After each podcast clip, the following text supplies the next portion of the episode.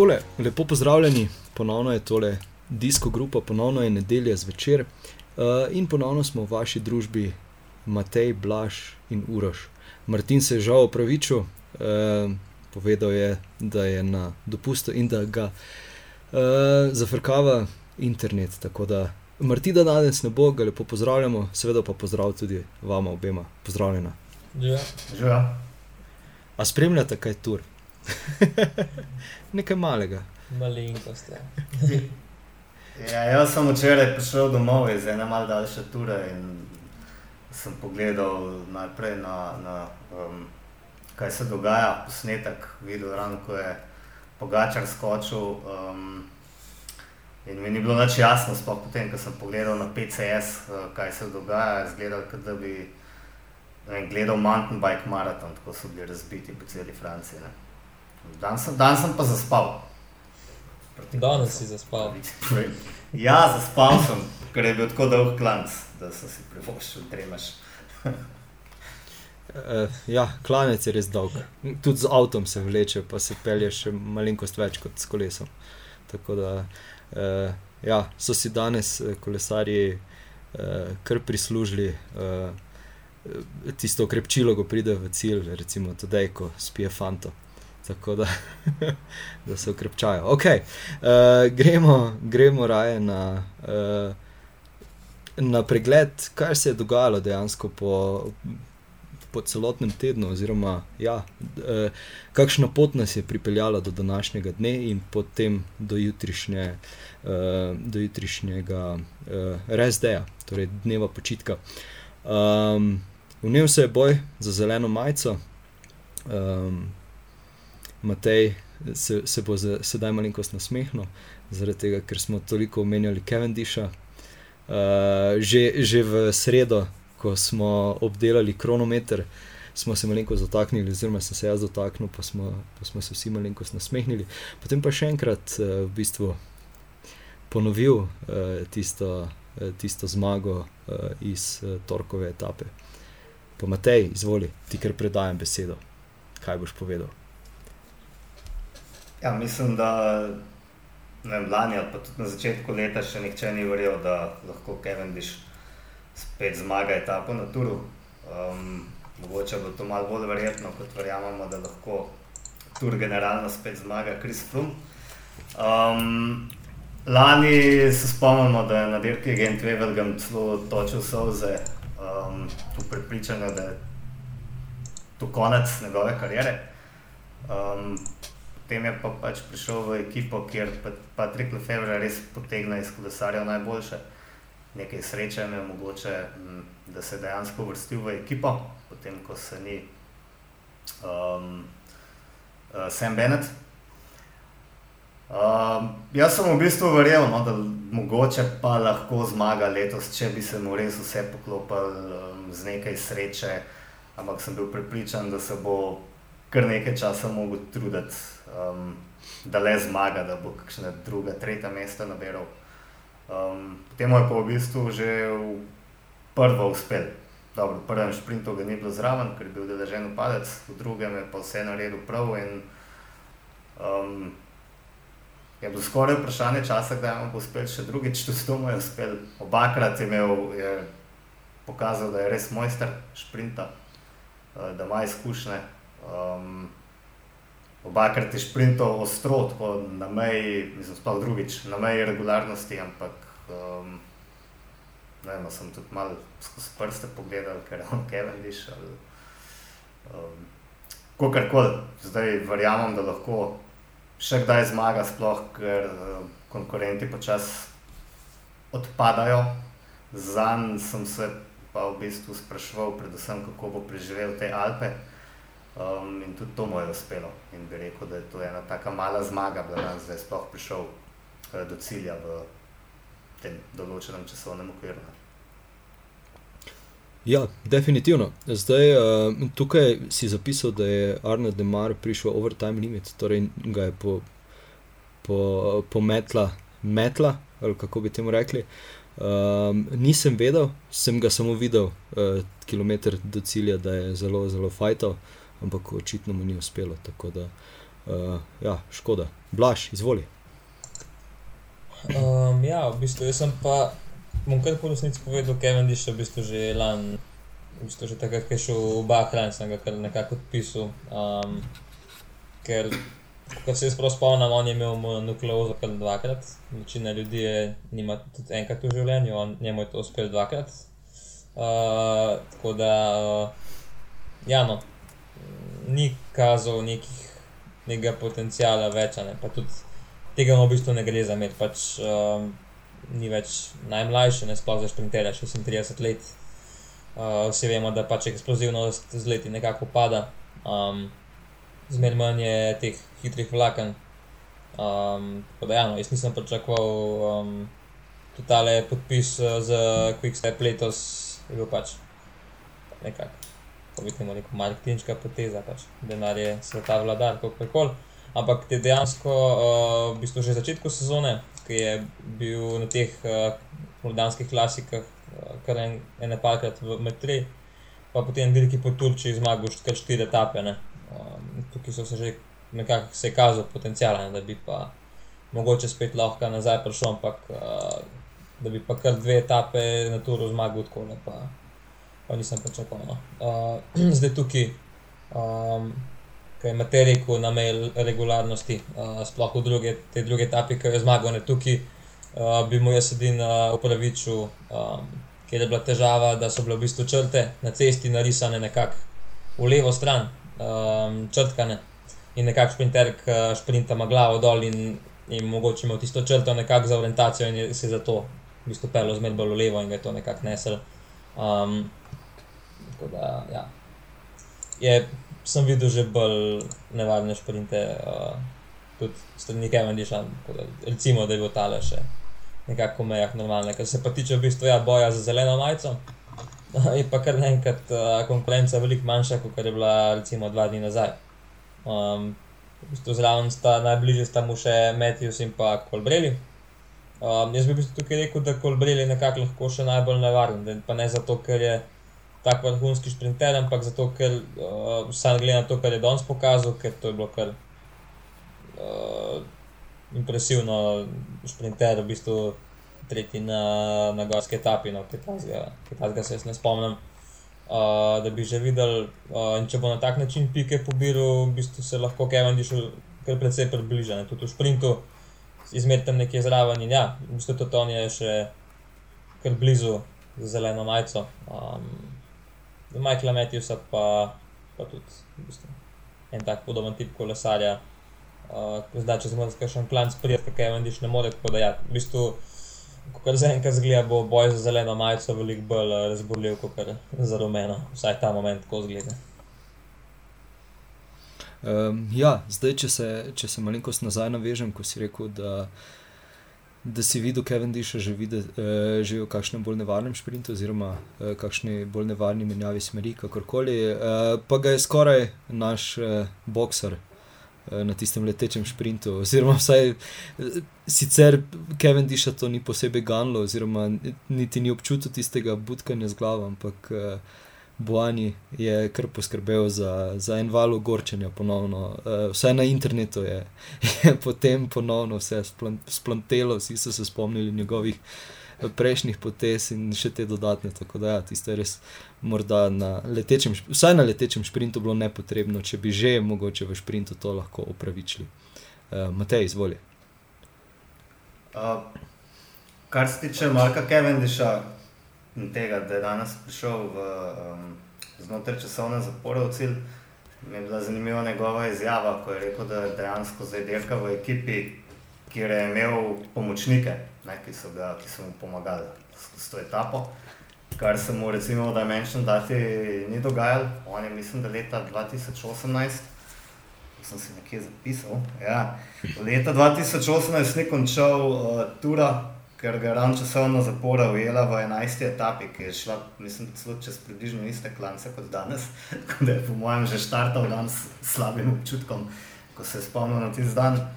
Um, tokrat so mu pomagali Mihajl Morkov, um, Tim de Klerk in tudi ta Belgic um, Delenic, uh, ki je sicer kar dober na klancih. Um, to mogoče tudi nekaj pove o ekipnem duhu, ne? oziroma splošno o tem, kako mu zaupajo. Po drugi strani je bila pa to pač ena izmed težkih etap in še velikih bojev. Še velikrat se bo moral zelo potruditi, če hoče na koncu v Parizu zeleno majico obleči. Čeprav mislim, da, tudi nje, da ima tudi on v glavi že um, teh nesrečnih 34 zmag, o katerih sploh ne smemo govoriti. Sploh če se z njim pogovarjamo. Postane. Tako je vse rekel. ja.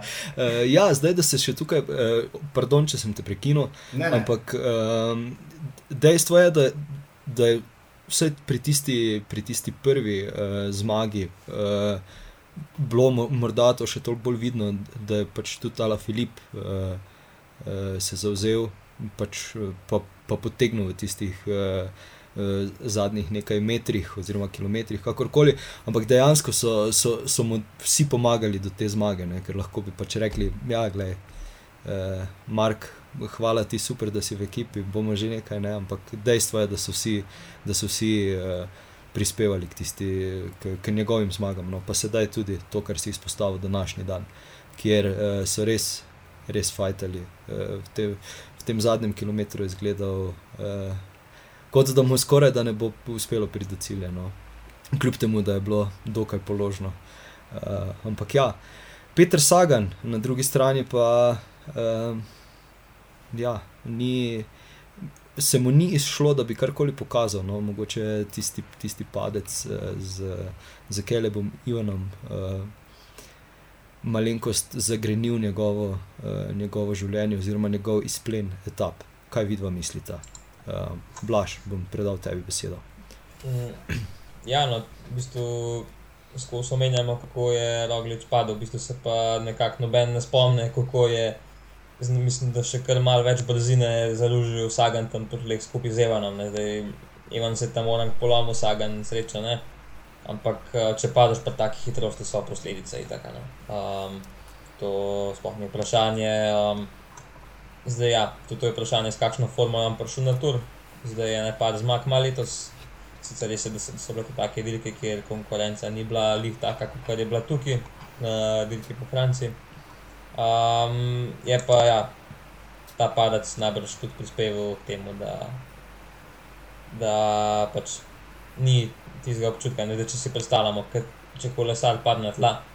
Um, tukaj se vse v telesu premakne, ne, vsa, vsak sklep v bistvu rukne iz tega naravnega položaja, vsaka kita se mečkan raztegne in da se to v bistvu spusti vse nazaj, traja kar nekaj časa. Ne. Um, Primož to mislim, da zelo dobro ve. Um, in ja, no, vsak dan zaenkrat se, se še bori, um, bomo pa videli, ali bo uspel kaj. Um, na turu ima že kar ne pad zmag. Uh, mislim, da tudi on ima željo zelo veliko, ampak uh, kaj bo pa lahko uspel doseči, bo, bo pa čas pokazal. Definitivno, definitivno. Matej imaš še ti kaj za dodati tukaj? Ja, se mi zdi, da niti ni bil tako slab, um, ker v tej tretji etapi, to je bila tretja etapa, ko sta padla eh, s Kalebom Ivanom, je bil kar dobro na poti. Mislim, občutek, da bi prišel v, v tri, verjetno. Um, in potem je tudi v četrti uh, dolgo sprintov in je bil celo peti, prav po, po tem uh, padcu se očitno kar dobro odzval. Ampak, ne vem, jaz po njemu mogoče malo pogrešam zadnje dve leti, tisto mladostniško razigranost, ki je včasih kazal. Enostavno se mi zdi, da se je postaral. sem postaral, da je pač postal nek zrel 31-letnik. Um, in da mogoče tudi malo drugače gledano kolesarstvo, mogoče malo bolj obremenjen nosi breme teh sedmih zelenih majic in tega, da ga, bo, da ga pač posod vlače po medijih, podobno kot Kevin Diša s 34 zmagami, tudi njega, ne, kdaj bo še osmo obleko. Namreč tudi z tega vidika ni, ni lahko. Ne. In ja, vse zadnje, tudi on je že pač 31 let star, um, kot je Blaž prej rekel. mogoče ni več tako eksploziven, kot je bil včasih. Ko je tudi pač v sprintih zmagoval, on je premagoval klasične sprinterje, čeprav je vedno govoril, da sploh ni sprinter, ne. kar je sploh malo nenavadno, ampak um, ja, mislim, da letos zelena majica ne bo oblekel, ne, ne bi pa izključil, da v kakšni etapi še zmagal. Ok, kursko. Um, ja, se, se premaknemo morda dalje. Uh, morda do tega, da je, da je Matej Mohorič uh, v petek oblekel pikčasto majico, zmagal etapo, uh, razveselil predvsem sebe, uh, kar se je lepo videlo na prenosu in pa seveda tudi, vse, tudi vse nas, uh, na vse zadnje, uh, je zmagal v velikem, velikem slogu. Um, Blaž, izvoli. Um, ja, tukaj v bistvu um, etape nisem gledal od začetka, uh, kot večino etap, uh, nimam jih, mi ne znese s časom, da bi gledal čisto od začetka, čeprav bi jih z veseljem. Uh, ja, v bistvu sem, prva stvar, ki sem počakal na PCS-ju, kakšne zadeve, kaj se dogaja. Sem videl v Begu res velik beg, nekaj je bilo 29 kolesarjev, tam nekje. Um, in vidim zraven super mohorič, no. pol sem pa videl, kakšne imena so zraven. Uh, me pa v bistvu mislim zaskrbel. Pač rekel sem, da gledam to, kakšne trase je, ima šanse, ampak bo, bo težka.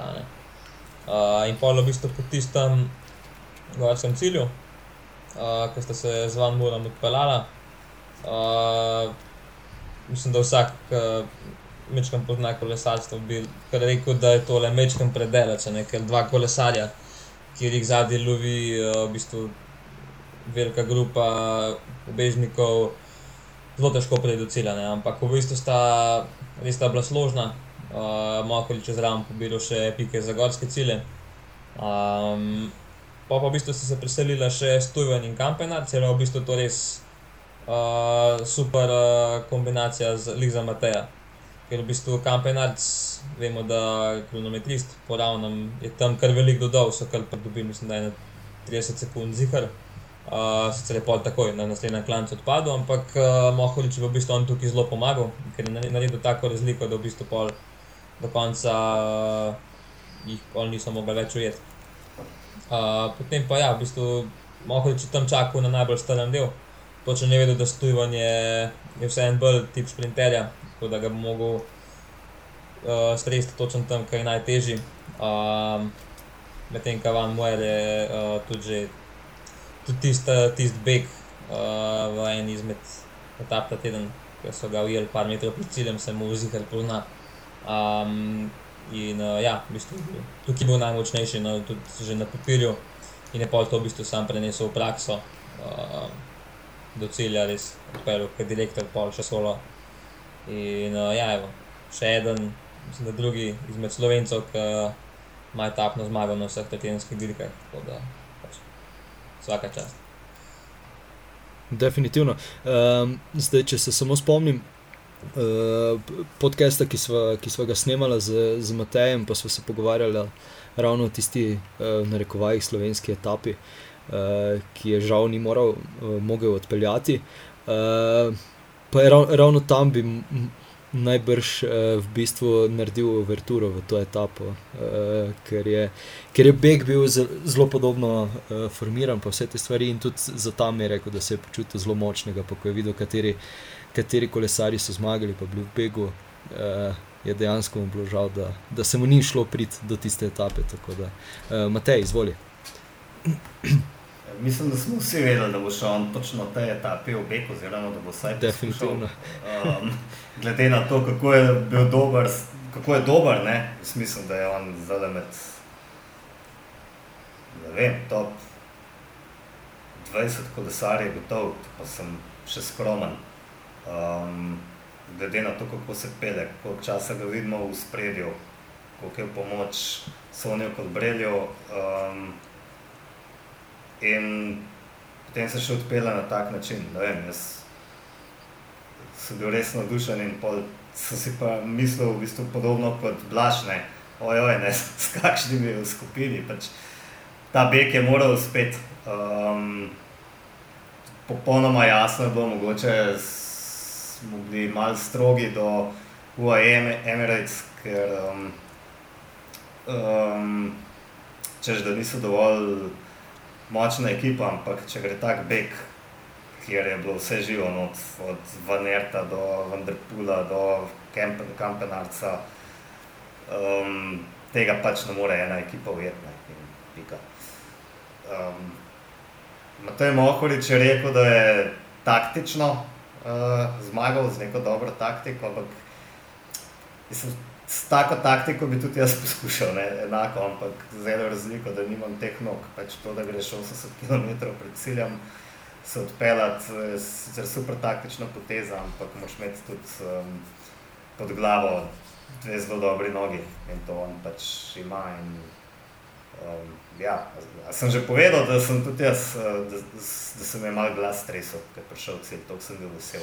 Tudi zato, ker je on tip kolesarja, ne glede na to, kako je dober, vsem težko zmaga, ker se mora preveč stvari poklopiti. Um, zato so te njegove zmage mogoče malo bolj redke, so pa vse res noro lepe. No?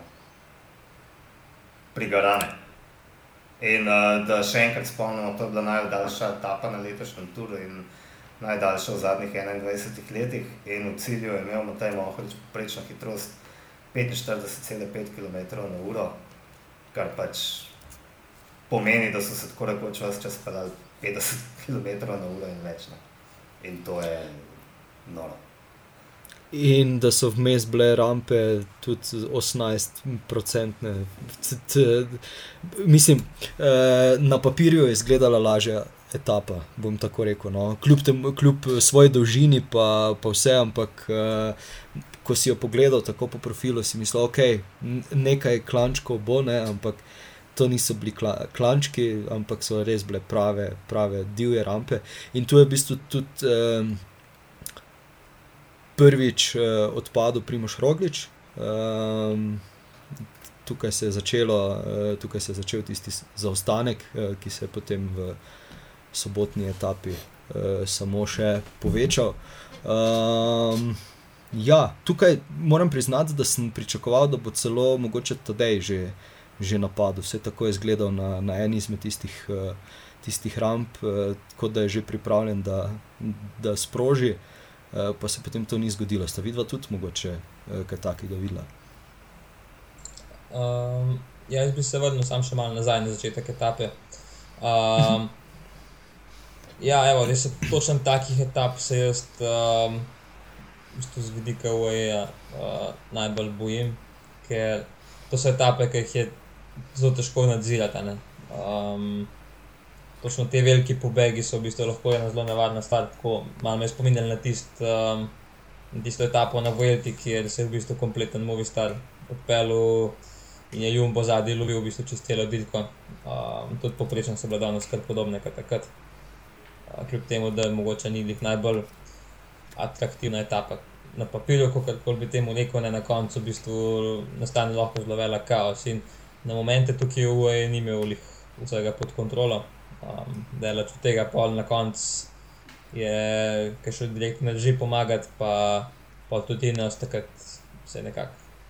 Se je videl, da bo šlo tole, a ne na koncu je ja, zelo dobro je šlo, čeprav je mi že zelo slabo kazalo. Čeprav ni bilo nekih navadnih kolesarjev spredje, ampak. Uh, vseeno, če imaš pa kjer koli kolesarju, ki se pa približno dobro pele na klanc, pa da ima 10 minut, je posebej že, že malo tako. No. Uh, težko, no, težko je tukaj odreagirati uh, ta pravi moment. Um, ampak ja, no, kar koli na koncu se je za je dobro išlo. ja, za primoža pa pač.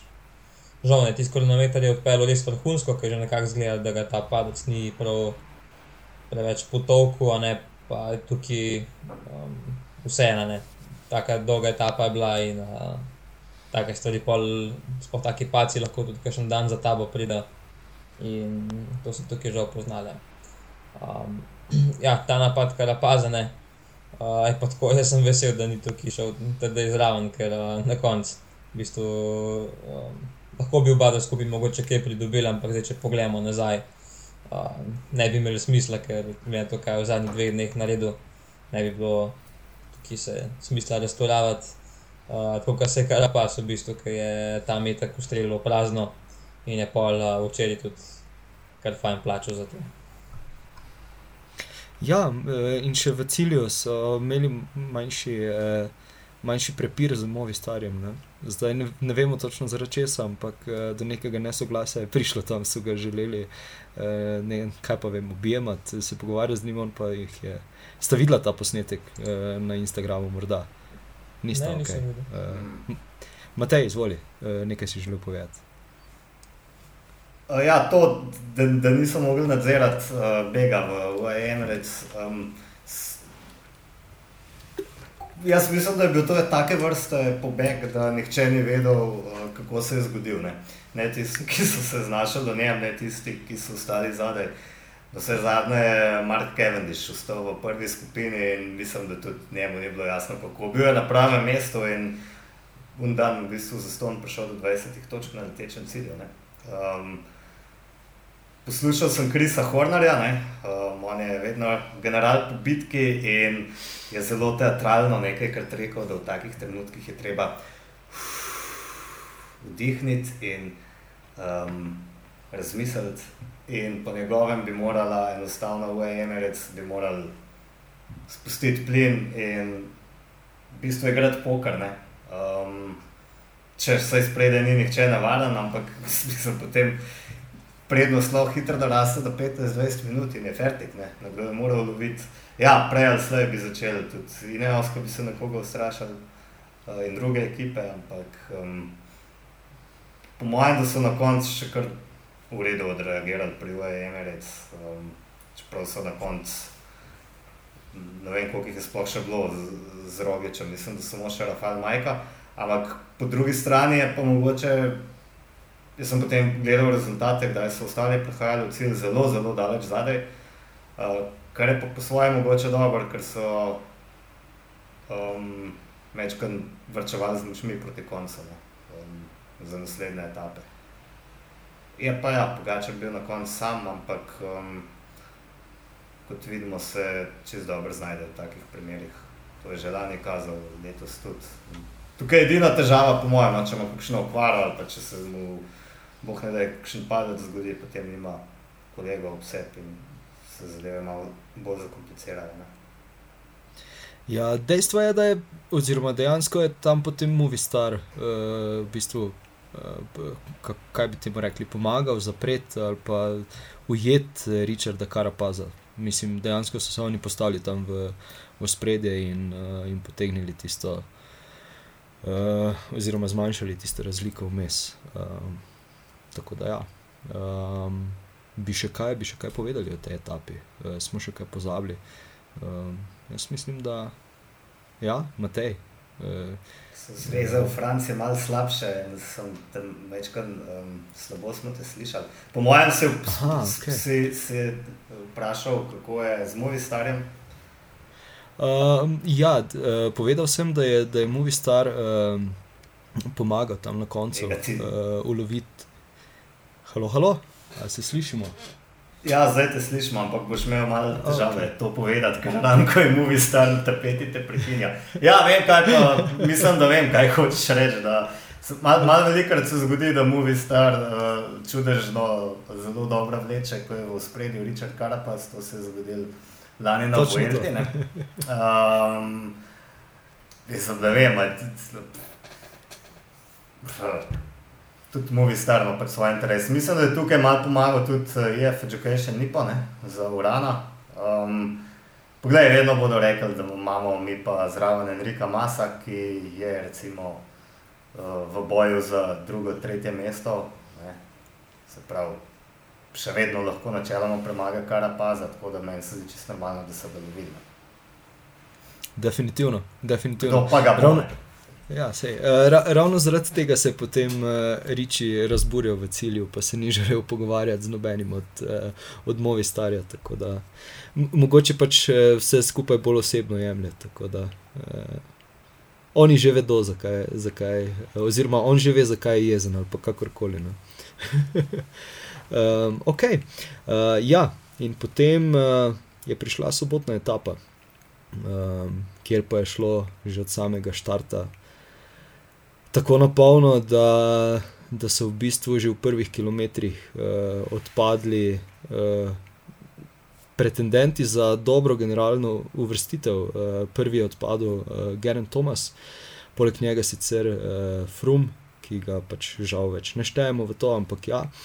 Kasneje še Primoš Roglič in pa še, in pa še nek, nekateri ostali. Tako da se je v bistvu včeraj formiral zelo, zelo velik grupeto na koncu. Ampak ja, etapa pa je šla res, res na polno. Blaž, bom predal tebi besedo, izvoli.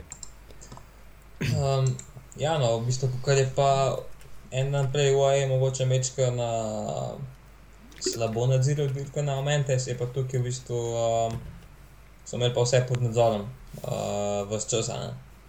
Um, uh, tukaj je dirka zelo hitro razpadla, res na prav faktor, spet je bil pobeg medtem ko uh, kar velik, medtem ko so zadnji že v bistvu tudi, uh, ja, se reko, favoriti za GC, um, kar odpadali v tekočem traku. Um, tako da, ja, no, tukaj je mene je Vogt Walls presenetil že v bistvu uh, s tem, kaj je pobil pike. Um, tako da na moment je tudi njemu kar dobro kazal. Pa se pa v bistvu od nekje vzel uh, Dylan Tuns, uh, ki je pa res v bistvu vrhunsko odpeljal, zdaj na koncu cilju jo zmagal po svetu, mislim, da svojemu detku, ki je umrl v par dni, preden se je odpravil na tur, tako da ja, je bil motiviran z tega vidika zelo dober. Um, Te pa ne vem, kaj bi tukaj še. Ja. Pa pridemo na tisti moment, ki je pogača, da napadne. Tukaj, uh, kot sem bral, je v bistvu on že, že na začetku tistega spone nekako uh, opazil neko stvar, neko šibkost, uh, pa ekipi in osad, da ima se kar pas, že kaj mučil, kakšne grimase delo ali je s trenerjem govoril po postaji, um, da ima kakšne težave. Tam so v bistvu uh, kar fajn navil tempo, uh, kolesarji UAE, uh, predvsem formulo, tista tist njegova. Značilna grimasa, grimasa ki uh, stiska obraz, uh, to smo tudi danes lahko videli zelo tako, ker vsak dan, ampak ja, svoje delo on upravlja res odlično. Um, v bistvu, ja, pol pogača, da ga je, ga je opalil, uh, da ga je v bistvu lahko samo še, uh, samo še gara pa sledil. Se je kar nekaj časa skupaj pelala, pa se je tudi njega naveličil in je v bistvu sam še enkrat pospešil. Nekaj časa ga je kar pa zdržal na distanci, pa pa, je pa v bistvu odrezal. Tukaj je mislim, da um, se poznajo tisti napad iz enega dneva prej, ki take stvari te zmatrajo. To se v treh tednih, vsak tak napad uh, se poznano in uh, ja, samo, uh, ta, ta dan se je mu to res poznal. Kljub temu, da ga je pol še, uh, mislim, da Kastroveho, ki je bil prej v begu, počakal kar paza, ga nista mogla več ujeti, niti nista mogla zmanjšati razlike, uh, pa v bistvu samo še piči po cilju. Uh, in na koncu je v bistvu res uh, na moment, ko zgleda, da bo pogačal še ta po zmagu. Uh, ampak ja, je bil vse en uh, delan tam smečkam predelač. Ja. Na koncu je zmagal etapo, uh, v bistvu druga zmaga Bahra na zapored.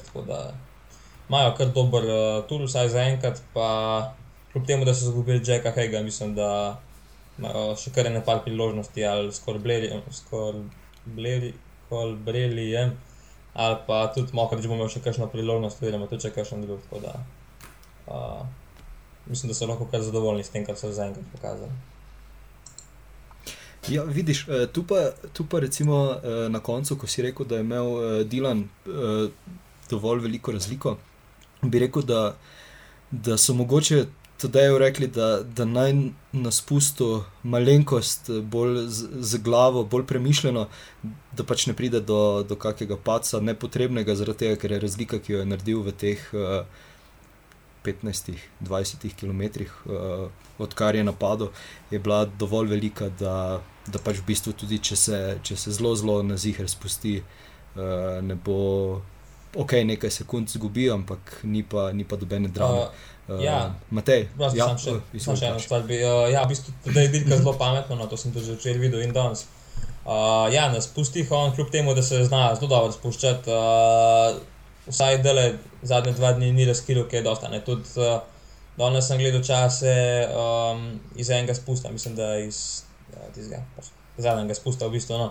Uh, je bil v bistvu med zadnjimi, vsaj počasih, um, iz tiste njegove skupine in iz Bega, se pravi uh, ne razkira po nepotrebno, ne? uh, ker pač res zakaj bi, uh, nima smisla. Zdaj edino, ker so ga mediji, uh, tudi sem, mislim, da italijanski so ga obtožili, ja, da je edina napaka, ki jo je naredil, oziroma da ne skrbi zase, je to, da sem takoj včeraj po cilju obleko. Ne? Uh, ker, uh, nekak, v bistvu po eni strani je res, ne, ker tukaj. Ko si v taki situaciji, um, ne želiš tudi nekega mehkega prehlada, uh, ker ni, ta pravi cajt za to, no, ampak uh, ja, mislim, da, na, da, da je tako na spustih, kot tudi pri tem, ko mora biti oblečen, da ima kar vse pod nadzorom. Ok, ok, Matej, izvoli. Ja, ki pa Pogačar se je dosti boljš odrezal, ampak jaz sem nekako pričakoval, da bodo v hribih um, kar dobri, da so tam sposobni nadzirati situacijo. Težava imajo, po mojem, na ravninskih etapah, kjer je manjka en Tony Martin ali pa um, Filippo Gana ali pa um, ne vem, Dylan Barle, taki kolesarji, močnejši. Um, tako da, ja, ko sem bil po hribih, pa um, mogoče bi izpostavil to, da se Pogačar zdaj že tipično po etapi v bistvu doživijo poraz, ker tisti je bil en tak manjši poraz, no, um, prejšnji etapi s tem velikim begom. Ni, ni sicer nič, nič časa zgubil, ampak je pa razkril, se je pa razkril, da, so, da ekipa je šipka. Um, kar je lahko problematično, ker da ostali neko upanje, da ga vseeno lahko uničijo. No, po vsaki taki težavi se on vrne z nekim brutalno, norim napadom, oddaleč, ki mu ne more nihče slediti. In to, kar je zdaj delal, je pa res, ne vem, da smo na zadnje kaj tasga gledali. Malo je smešno, no, ko imam specialistov za uspone, padal, mislim, tako kot nek poprečen cestni kolesar, pade mem trkingašal, tako je to približno izgledalo. So ga lahko samo pogledali, kako gre naprej. Ne vem, kaj so si mislili o tem, ampak in po drugi strani, koliko je njemu moral um, dogajati, v bistvu, ko je z tako hitrostjo meni padal. Mislim, da to um, sam še pridobivaš na samozavesti in samo šteješ, kje je naslednji. Ves čas jih je prehiteval, ker je bil tako velik bek in je tudi to, po mojem, večkrat pripomogel, da, da ni popuščal, da je šel res noro. Jaz mislim, da bi to lahko zmagal, to je etapo, ampak je ja, v tistem zadnjem spustu pač odpeljal pametno in še čakamo na prvo zmago ne, na cesti, ki nam bo na kronometru. Mislim, da bo prej ali slej prišla. Res je, res je. Ja, uh, Matej, preden smo začeli snemati, uh, si, uh, si nekako namignil na to, da, oziroma ne namignil na to, uh, slaba izbira besed, ampak uh, da slejko prej se bo ob vseh teh uspehih uh, zgodilo tudi to, da bodo uh, Tadeja označili za, za vse tiste, ki so. Uh, ki so že bili uh, spoznani za krive ali kakorkoli, torej dopinga in vseh teh stvari. Uh, pa zdaj, uh, ker, si, ker si takrat, oziroma ker si to prej tako rekel, mogoče da, uh, da daš neko repliko na to in, uh, in potem, in morda z, z tega uh, žurnalističnega vidika to uh, poveš ali pa predstaviš, kakorkoli izvoli. Vsakeč pride do tega, ne, ko je nekdo tako premočen, ali pa če dolgo obdobje zmaguje, vedno se potem pojavljajo obtožbe. Tudi bi mogoče izpostavil, da javnost v kolesarstvu mogoče celo bolj ljubi poražence kot zmagovalce. Mogoče, to sem danes razmišljal o kolesu, mogoče zato, ker so tudi na vides poraze v kolesarstvu mnogo bolj boleče kot poraze v kakšnih drugih športih. Ravno zaradi tega, ker gre za neko dolgotrajno trpljenje. Um, vedeli smo, kaj se je Rogiču dogajalo, mi smo lahko gledali, kako je padel, lahko smo si predstavljali, kako ga boli. Um, ko je odpadel, ga je kamera spremljala in se je videl. In to ljudi pač, ne vem, ljudje, v ljudeh zbudi sočutje. Um, in mislim, da nismo slovenci edini,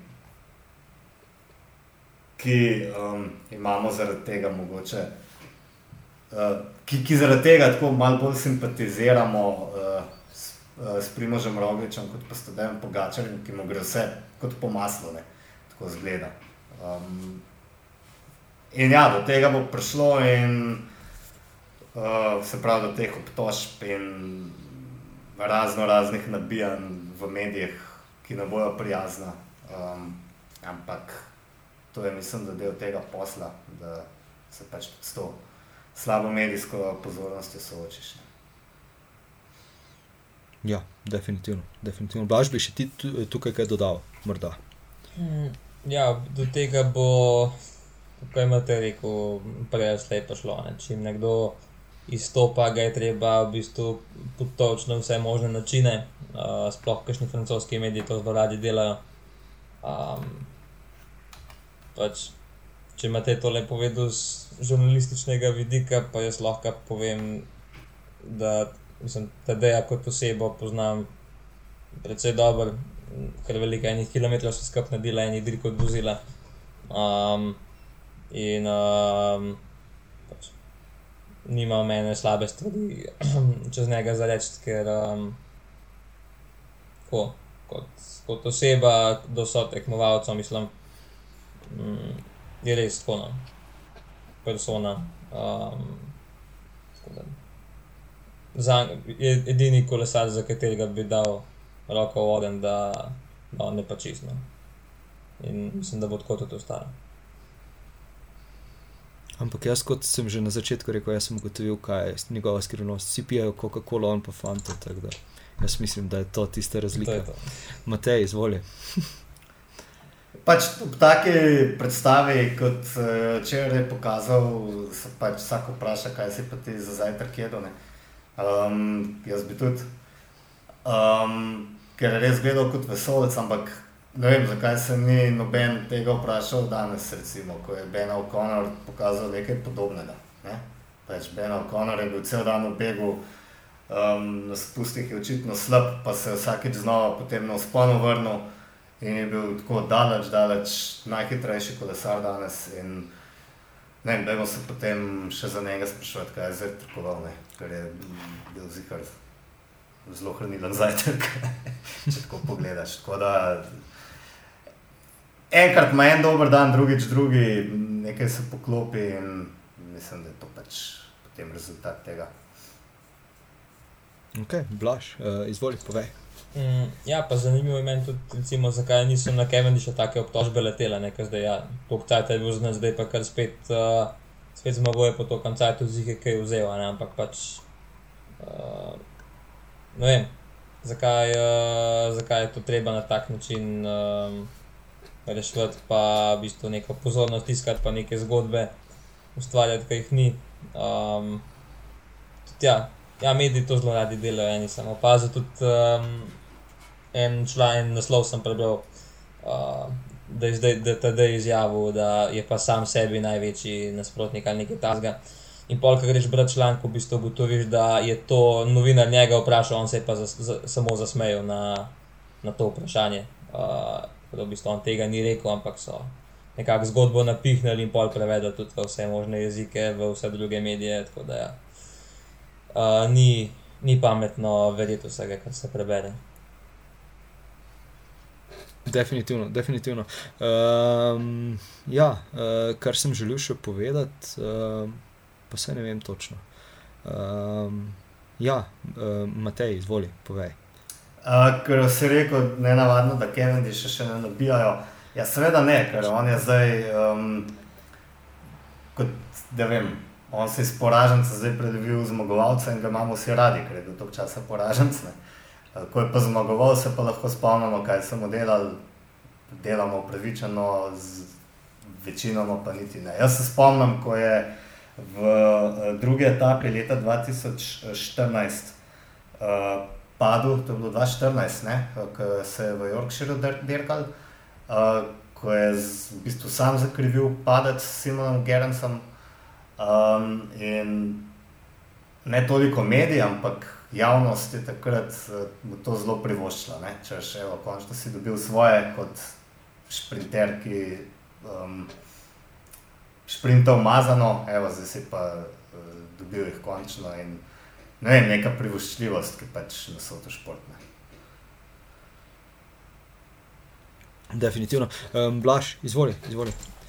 Ja, ker si rekel, da je ja, Kevin še bil poražen, zdaj pa spet kar naenkrat zmagovalec. Ampak zdaj pa spet vprašanje, kako daleč je uh, tista meja, ne? kdaj bo spet pa tok zmagovalec, da bi pa bilo iz vidika medijev bolj, da bi ga bilo na, boljš na res poraženca. Kdaj, kje je tista meja, kdaj je tega preveč, koliko je ta mogel še zmagati, da bo spet začel. Kakšne podobne zgodbice govoriti, to je tako malo paradoks, ampak ja. Tako le imamo, tak šport in to nekako pa še zraven. Ja, dejstvo pa je, da je zmagovalec v, v pogovorih oziroma v intervjujih z, z novinarji.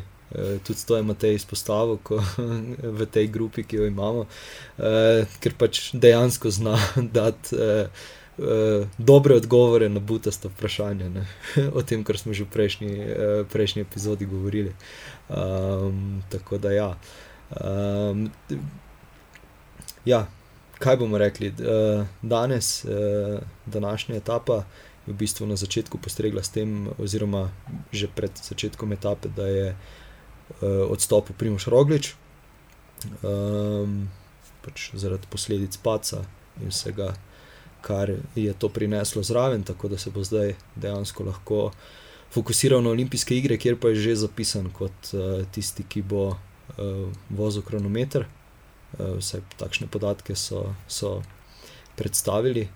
Um, na cestni dirki pa se bodo mu pridružili še Jan Polanc, uh, Jan Tratnik in pa Tadej Pogačar.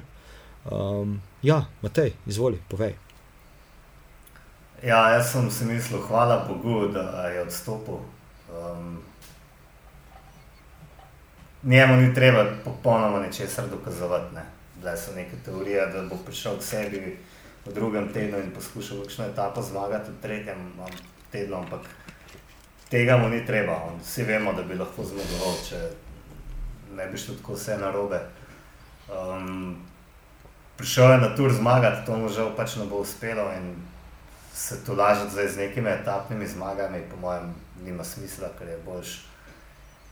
In pa če enkrat na Vojel, to je že tretjič zaporedoma zmagati, um, pobred kakšen spomenik in seveda iti na olimpijske igre, um, spočiti z nekim dobrim treningom. Um, mislim, da bo posledice teh padcev relativno hitro pozdravljeno no, doma z nekim krajšim počitkom in se potem lahko resnega treninga lotil. Um, glede na to, kakšen kronometer je poškodovan od pelov in sam izjavil, da ga ni da ga niso tako motile bolečine, čež da v kronometru in tako vse boline. Ampak bolj to, da enostavno ni mogel razviti prave moči, si lahko samo predstavljamo, da bi bil um, dosti, dosti više. Ne. Mislim pa, kar sem gledal progo na olimpijskih igrah, da bi mu kronometer kar ustrezal. Blaž, izvoli. Mm. Ja, v kolesarstvu nekako velja un izraz, da bolečina je začasna, ampak poraz pa ostane zavedno. Um, ampak ja, v tem primeru mislim, da to ne sme držati. Um, pač, zakaj bi se matril, če v bistvu nima neki smisla. Uh, ampak po drugi strani pa verjamem, kako je bilo pri možu um, težko, ne? ker je v bistvu res tri mesece, v bistvu ni več dirko, ker je vse po svetu turu um, da se ti pa nekaj tasga zgodi, pač ni, ni ti lahko, ne? ampak uh, če bo pa kdo to uh, znal prenesti, pa to on.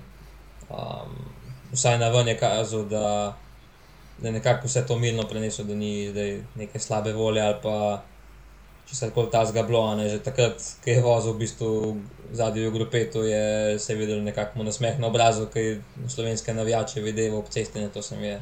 To se mi je tako ful lepo zdelo, tega, tega ne zmore ne, malo kdo bi v bistvu vrgel kolo tam čez črto, šel v avtobus in to tono. Ampak um, od njega tega pač ni bilo pričakovati, ker ni, ni taka oseba. Um, ja, no, jaz mislim, da bo kar ta klasičen rezervni plan, če ti ne rata na turu, ti bo rata na Vuelti. In, uh, ja, koliko kolesarjev pa je zmagal, Vuelti trikrat zapored. Um, in zakaj ne bi bil toliko um, sploh ne dvomim. Mm, tako da ja, mogoče pa ta dvoboj uh, pogača, Roglič pa vidimo na Vuelti. Um, ampak ja, če sta ona dva prijatelja, kolega se razumeta, upam, da se bodo navijači isto ravnali.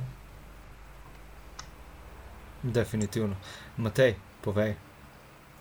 Ko bi rekel, da je en od najbolj blesavih slovenskih pregovorov, je, da pametnejši od neha. Običajno je to res, ne, ni, ni pa dobro. Ponavadi ni dobro, ker potem neumnejši zmaga. Ampak v tem primeru je bilo v redu, no, da, da, da je bil Roglič dosti pameten, nehal in Ja, to, to se mi zdi dobro. Če bi dejansko oba nastopila na Vuelti, uh, Pogačar in Roglič, bi se mi tudi zdelo um, kar simpatično, da se pač ponovi ta fajn, malo uh, manj nadziranem okolju, ne, kot je na Turu. Ja, na Vuelti nihče ne ve točno, kdo bo v kakšni formi. Um, Manj je tistih, ki tempirajo formo točno na Vuelto, ampak se potem večkrat prilagajajo zaradi ja, različnih stvari.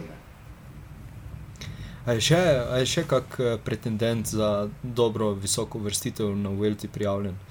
Uh, zdaj iz glave se sicer ne spomnim. Bo treba do konca uh, tura počakati, ja. če bo še kdo. Uh, ja, to je res. Če bo še kakšen tak, uh, ki bo šel po primožovih poteh, nažalost. Upam, bi sem upal, da bo takih čima ni tako, ne, ampak uh, ta nekako Vuelta sicer se malo, mislim, malo se grdo to slišati, ampak je nekako rezervna plan za tistemu, ki se, tistega, ki se mu sezona ne poklopa, pa tam v bistvu rešuje. Um, ampak ja, Vuelta ni zaradi tega nič lažje. No. Mislim, da po višinskih metrih je ima veliko več kot tur, um, ja, ima nek svoj čat. Da, ja. to, tudi to mislim, da lahko že komi čakamo. Definitivno. Um, Matej. Uh, Štartna lista na Vuelti, zaenkrat je napisan. Uh, med temi, ki lahko kandidirajo za zmago, Kris uh, Frum. Um, da je Pogačar, seveda, Primoš Roglič tudi, um, potem pa imamo še Rigoberta Urana, Nikela Lando, pozor. Um, pa iz.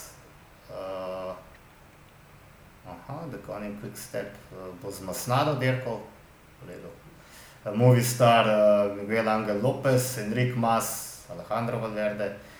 Pa za Eneo se mi zdi ta zanimiva Daniel Felipe Martinez, Adam Jajc in Richard Karapas je tudi že napisal. Da bo vsekakor zanimivo. Slovenci ali brez njih? No? Definitivno. Definitivno.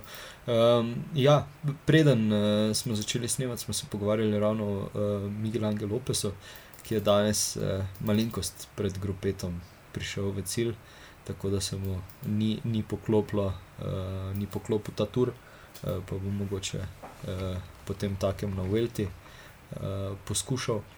Ampak gremo do tistega. Do tistega vprašanja, ki se ga zdaj, pa že mogoče tudi sprašujejo ostali, ki, ki so se znašli za TDM. Torej, kakšne so še sploh njihove možnosti. Ok, povedali smo, eh, če se zgodi kaj nepredvidljivega, kar se na turu definitivno lahko zgodi, torej kakšna, eh, kakšen defekt, eh, kakšna druga tehnična težava, kakšen padec, karkoli. Um, ampak, če to izvzamemo, uh, ok, pa slab dan, ampak če to izvzamemo, kaj, kaj je še tisto, kar lahko preseneti, da je, recimo, plaš, izvoli. Ja, tako kot je Primož lani govoril, v bistvu cel tur ni konec, dokler ne priješ v Pariz. In, uh, Jaz mislim, da se bo tudi tedaj letos tega kar držal, ne, ker uh, ne, čisto vsakmu se lahko zgodi to, kar se je na, na žalost, na srečo, odvisen za koga je primo žulana. Uh, tako da tudi to, kar je danes tedaj naredil, ne, te pol minute je pa dolgo, pa mu v bistvu ne bi bilo treba, ne, ampak zakaj pa ne, ker nikoli ne veš, lahko ti pa jih te pol minute na koncu uh, rešil narediti. Tako da, ja, čist realno, um, kdo bo, kdo je tak, da je nevaren, nevaren, um, je zelo težko reči. Um, ampak ja, ne vem, mogoče res veliko bolj to vrana, ampak uh, mene bolj skrbijo, ja, ta kaos na dirki, da se bo v bistvu napadali iz tako odštalta, da se bo v bistvu ta moment cel svet dirka proti Pogačarju in uh, proti UAE-ju, tako da to je ta minus. Uh, take etape, ki so bile danes, to mislim, da zato ne bi bilo panike. On bi tako etapo znal vladati tudi v bistvu sam, uh, bolj so problemi tiste malo manj zahtevne etape po profilu, ampak uh, tam ker če se zgodi še kakšen tak nenadzorovan pobeg s 30 plus kolesarji, pa bi znal biti problem. Uh, tako da ja, v OAE um, v teh dveh tednih še na kar veliki preizkušnji. Ok, uh, Matej bi še ti tukaj kaj dodal. Sreče je takih etap uh, malo, ne do konca. So bolj ali manj samo še špriterske ali gorske. Uh, 14. etapa bo večkrat zapletena, verjetno se je v svoji beležki označil tudi uh, Matej Mohorič. Um, drugač po eni fazi se bodo začeli pač spraševati o tem, kako rešiti vsaj drugo mesto, ker ne vem, zdaj računati, da se ga bodo kar znebili, niti na vse ali nič in mogoče potem zaradi tega zgubiti tudi podium, ne? Um, je malo tako, ne? Ker vsakeč, ko ga bodo napadali, um, od začetka se pač izpostavijo um, te napadalci sami in lahko same sebe ustrelijo v koleno, medtem ko roglič pred njimi prav na zadnjem klancu, kot smo danes pogačali. Pogača. Uh, pardon, pogača. Lahko bi pa tudi roglič bil še zraven, da bi se najbolj. Ampak um, tako, zaenkrat, kot vidimo, so res pičle možnosti in je res edina varianta, nekaj ja, ta nesrečen kaos. Um, tudi razlike so že tako velike, da ne vem, kdaj sem začel sprašovati, da je bila na zadnje tako velika razlika med Da ne bi zdaj tega gledal. Ne, ne, ne bom tega gledal. Okay. Ampak do naslednjič pa bom. Naslednjič pa bom. Ne boš rabo do naslednjič. Ker je to moje vprašanje za kasneje, zato, zato sem Aha. to rekel. jaz sem dejansko, dejansko sem hotel tudi jaz to izbrskati. Nisem se tega lotil. Um, ja, mogoče me je presenetilo, da je z nekje se spet predlekel Vilko Kelderman, ki je na sedmem mestu. In v bistvu, če tako pogledamo med tretjim in eh, devetim, je zelo mečkana razlika. Manj kot dve minuti, oziroma med tretjim in desetim uh, jih loči, manj, loči tam manj kot dve minuti. In zaradi tega mislim, da si bo marsikdo želel ta podium uh, in bomo tudi boj med njimi gledali. Ampak ravno ta boj med njimi lahko povzroči potem težave pogačarjevi ekipi. Ne? Ko pač s potoma njih spravijo težave. Pa seveda, Beno O'Connor, ki sem ga danes že omenil, človek je na lepem na drugem mestu in ima pred vsemi ostalimi eh, na drugem mestu več kot tri minute prednosti. Pa ga je kdo pričakoval tam? Ne, ne. mislim, da nihče. Rešil je v bistvu derko, že do zdaj se trojeno, sem se bal, da ne bo nič uspel letos. Um, Evo, pa jim je rešil derko. Ne, ne vem, koliko se vam kaj dobro na kronometru pele, mislim, da ni bohe kaj. Po Pro Cycling Stats zelo slabo. Ja, eh. zelo uh. slabo, ampak lej, tri minute prednosti ima. Um, to pa je tudi. Na roko mu gre, da, da si je nabral to prednost, predvsem je razen enim uh, na dan pred počitkom, tako da zdaj ima dva dni časa, ker je potem šprinterska etapa v torek. Da, um, pride do poksep in potem brani svoje drugo mesto. Ne? Ali celo napade Ja. prvega, zakaj pa ne? Uh, ja, napredoval je za 12 mest, tako da ne. je danes res naredil uh, kar veliko delo, lahko temu tako rečemo. Uh, zdaj, tukaj si Matej še zapisal, uh, da se lahko razvije boj za pikčasto majico uh, med Wout Polsom, uh, Michael Woodsom in pa uh, večno mladim Najrom Quintano. Uh, bi znal to biti še zanimiv boj. Z- Zdi, ne vem. Uh, Zdi se mi, da mogoče Najro vseeno kam više cilja, kot pa samo do pikčaste majice. Ali? Najbolj Quintana si želi zmagati etapo, Okej. um, ampak danes je dirkal tako, kot da si pač želi často majice, šprintov je na, na gorske cilje, s tem večkrat trošil moči in ga je mogoče tudi zaradi tega pobralo, potem, ker ga je kar grdo odrezal. Um, čeprav mislim, da to vse ni bilo ključno. Mene veseli, da se dejansko razvija ne, boj za pikčasto majico. Um, kot vidimo med Vautom Polsom, Michaelom Woodsom in Nairom Quintano. Um, tega že kar nekaj časa nismo videli, da bi se dejansko več kolesarjev za majico borilo v teh resnih gorskih etapah. Ne vem, lani je spotoma pikčasto majico pobral tedaj Pogačar in je ta boj v bistvu čist razvodenel že, že dosti prej. Mene pa te stvari zanimajo, ker naredijo derko in uh, pogrešam malo čase um, Rišara Verenka. in Tako, ko, ko se je dejansko v gorah resno derkalo, on je pobiral tudi etapne zmage in tudi tako nekako mislim, da kdor pikčasto majico nosi, je prav, da tudi kakšno etapo zmaga, sicer to ni to. Ne. Je pa to čist svoja dirka, fanti izbirajo etape zelo um, taktično, tiste, kjer lahko naberajo veliko točk. In mislim, da bo tokrat še kar zanimivo. No. Definitivno, definitivno. Um, ok, je, um, je čas, da gremo na, na trivije vprašanja, ali eh, bi še kaj dodala. Uh, sem še kaj pozabil vprašati, smo še kaj pozabili povedati. Ja, ne, ne. Ja, ne, vprašanje. Velja, potem pa gremo na vprašanje. Uh, ok, uh, besedo predajam Blažu.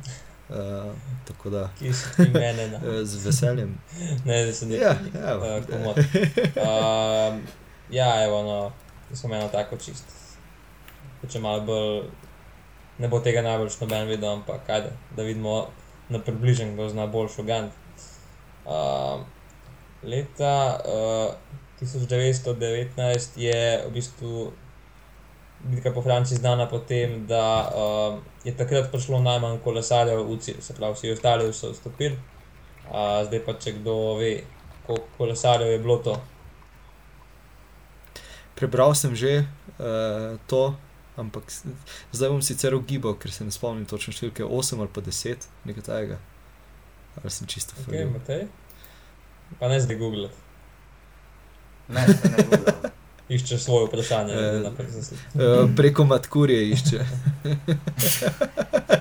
Ne, ne vem, leta 19, že štartali jih je zagotovo zelo malo, ker je to po eh, prvi svetovni vojni. Eh, Menda, to sem po včeraj slišal, sem imel težave, eh, predvsem s tem, da ni bilo gum na trgu. In so nekateri pač niso mogli dirkati, zato ker ni bilo gum, proizvodna je bolj ali manj um, bila usmerjena v vojno industrijo. Um, kakorkoli, jaz bom rekel 15.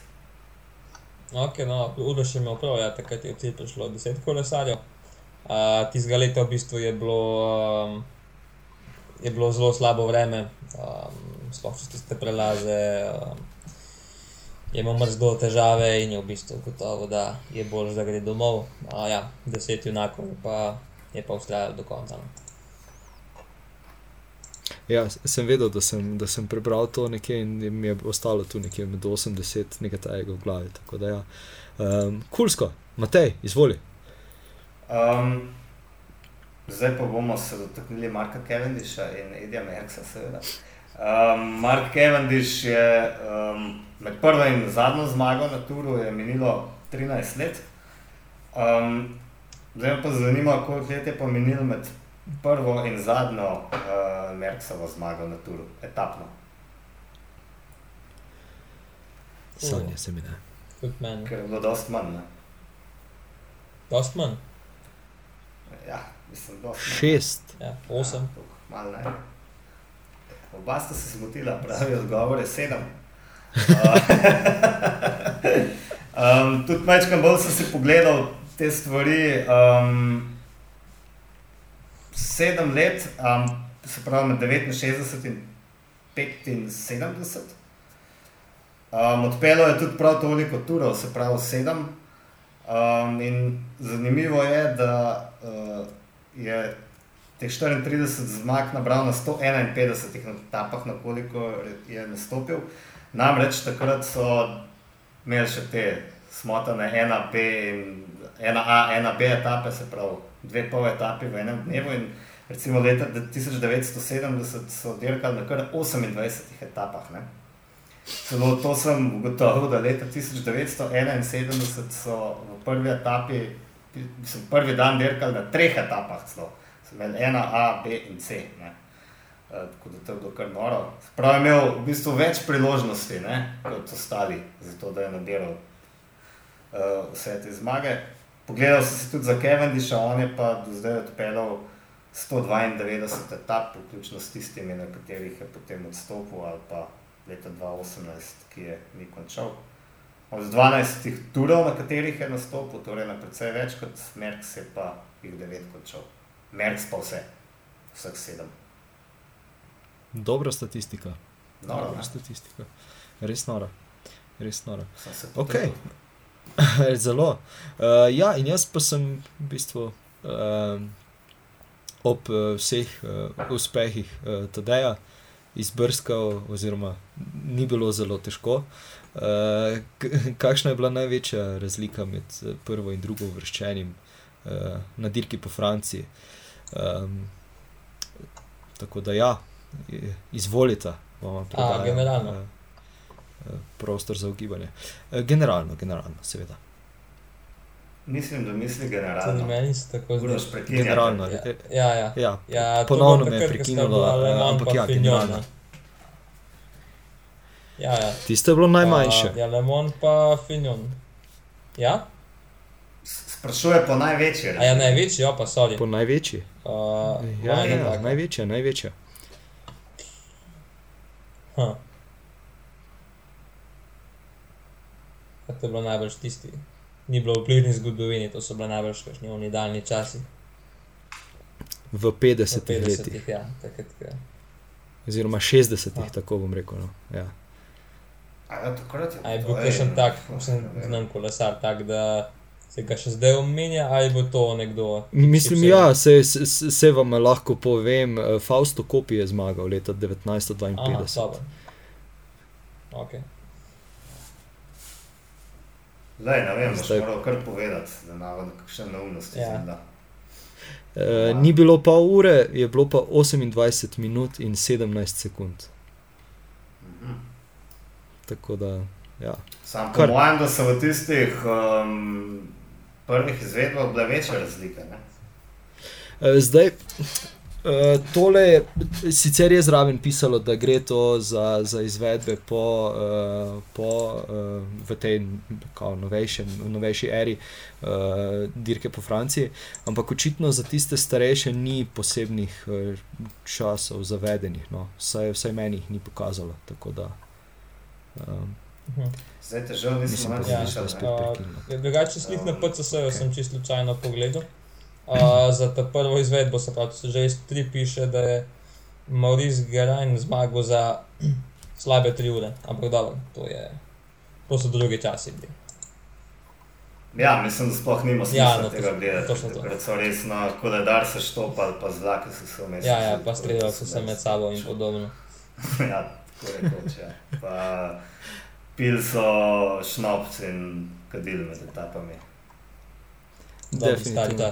Um, ja. uh, jaz mislim, da sem vmes malenkost spet za nekaj sekund uh, bil odsoten, tako da se vam opravičujem, če ste kaj uh, po pomembnega povedali, kar, kar bi moral slišati. Um, drugače pa ja, um, saj ne vem, bi, bi sploh kaj napovedovali za naslednji teden. Nam je sploh ostalo kaj, kaj za, napo za napovedi. Ja. Zdaj te naše napovedi so tako bolj tiste, da nekoga jinxneš, kako se reče. Jaz se tega, tega se raj ne bi šel, bomo pa po, po turu o tem. Mislim, da bo bolj za vse, tudi za te deja. Definitivno. Definitivno. Um, ja, ok. Potem, če je, če je to, to, je to to. Se slišimo uh, ponovno uh, naslednjo nedeljo, ali pa če se zgodi kakšna. Uh, kakšna divja stvar med tednom, uh, kjer se bomo uh, kakšen večer vsedli dol in posneli dodatno epizodo. Um, to je to. Hvala in čau, čau. Hvala, čau. Srečno, živelo.